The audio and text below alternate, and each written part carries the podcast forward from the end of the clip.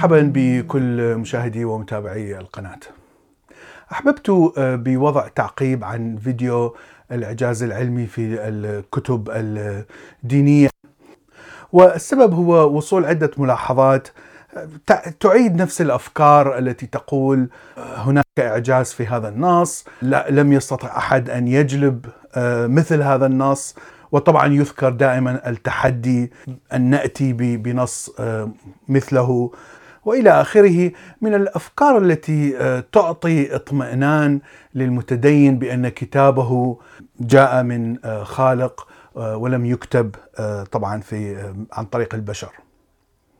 الشيء الأول الذي أريد أن أذكره أن القرآن ليس كتاب علمي، طبعا كل الكتب الدينية ليس فقط القرآن. هذه ليست كتب علمية، يعني هي بالأساس كتب روحانية كتب آه، تضع معايير أخلاقية معينة هناك فلسفة روحانية آه، معينة وهناك تعاليم آه، دينية تثبت هذه كمنظومة دينية. وهذا كل ما تأتي به هذه الكتب. هناك بعض العلم الموجود في هذه الكتب الذي يحاول أن يفسر الظواهر الطبيعية في الكون.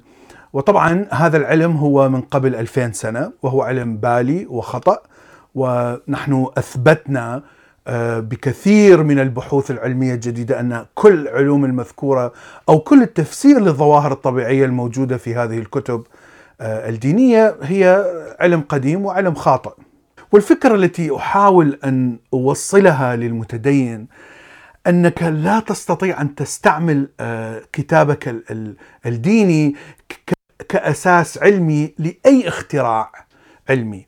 يعني لو كان القرآن فعلا كتاب علمي لكان المسلمون اخترعوا الطائرة، اخترعوا الصواريخ، يعني اخترعوا اللقاحات الطبية، كانوا اخترعوا كل الأشياء التي ترقع الآن آه، أنها فسرت من القرآن. لكن طبعا نحن نعرف أن هذا لم يحدث.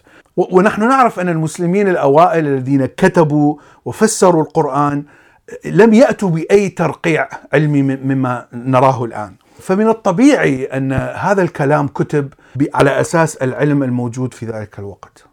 وهناك فكرة بسيطة جدا، إذا كان فعلا القرآن كتاب علمي، لماذا لا تستعمل القرآن لاختراع لقاح الكورونا؟ لماذا تنتظر من العلم الكافر، العلم الذي ينكر آه، هذه الكتب الدينية الخرافية آه، وتنتظر من العلم الغرب الكافر أن يخترع لك هذا اللقاح. لماذا لا تخترع طائرة؟ لماذا لا تخترع أسلحة؟ العلم يختلف عن التعاليم أو الأفكار الروحانية. هناك اختلاف أساسي وأنا ذكرته في كثير من الفيديوهات ولا داعي لتكرار هنا. لكن نحن نعرف من التاريخ أن العلم دائما ينتصر على الخرافة أو على الروحانية أو على الدين الذي لا يعتمد على أساس منطقي أو علمي.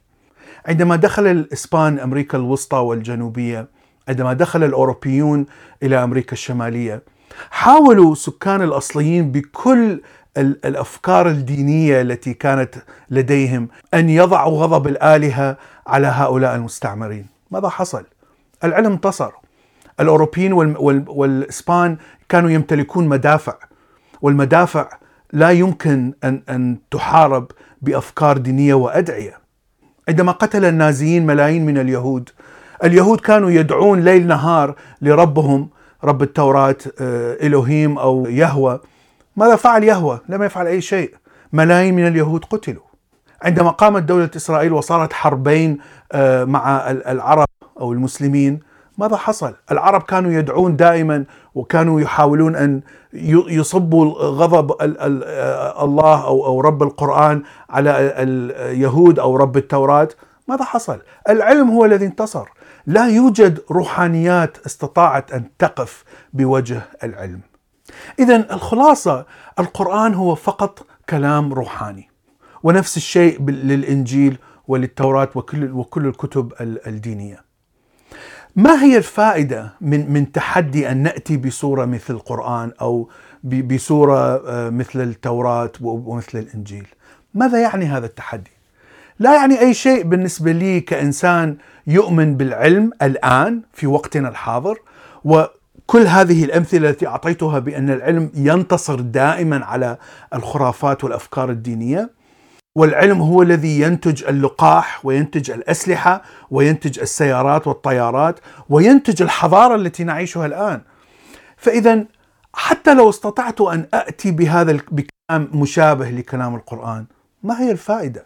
أنا لا أرى أي فائدة من من من كلام يشبه كلام القرآن.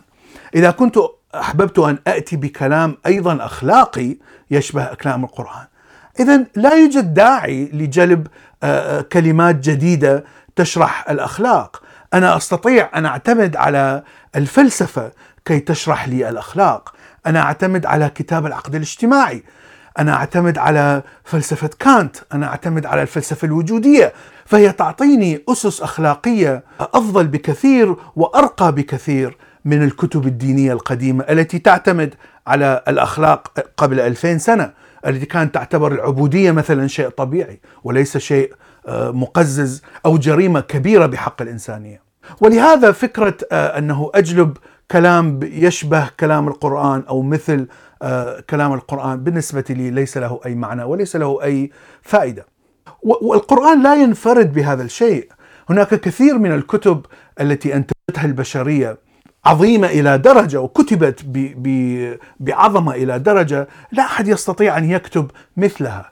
وكثير من القصائد التي أتى بها المتنبي أو المعري آه، لا يوجد أحد يستطيع أن يكتب قصائد مثلها. وهناك كتب مثل الإلياذة آه، اليونانية آه، ملحمة جلجامش كتاب الوجود والعدم لسارتر. كتاب لمن تقرع الأجراس لهيمنغواي وكتاب آه، هكذا تكلم زرادشت لنيتشه. هذه الكتب هي كنوز آه، البشرية مثلها مثل القرآن. آه، أشياء فريدة جدا ولم يأتي أي أحد بقوة هذه الكتب. إذا هذا التحدي هو ليس فقط للقرآن، أنا أعتبر أن هناك كثير من الكتب التي التي كتبها البشر كتب عظيمة وفريدة جدا لا يمكن أن يأتي أحد بمثلها. لكني أعود وأقول لماذا نأتي بكلام لا يوجد منه فائدة علمية؟ لا أستطيع أن أخترع لقاح أو أصنع سلاح أو حتى أطور الاقتصاد. فأتمنى أن تصل هذه الفكرة إلى عقل المؤمن. حاول أن تفهم بأن العلم هو القوة الوحيدة الآن. كل الانتصارات التي تراها العسكرية، السياسية، الاقتصادية كلها أتت بسبب العلم ولم تأتي بسبب أفكار روحانية. شكرا لكم وإلى اللقاء في حلقة أخرى.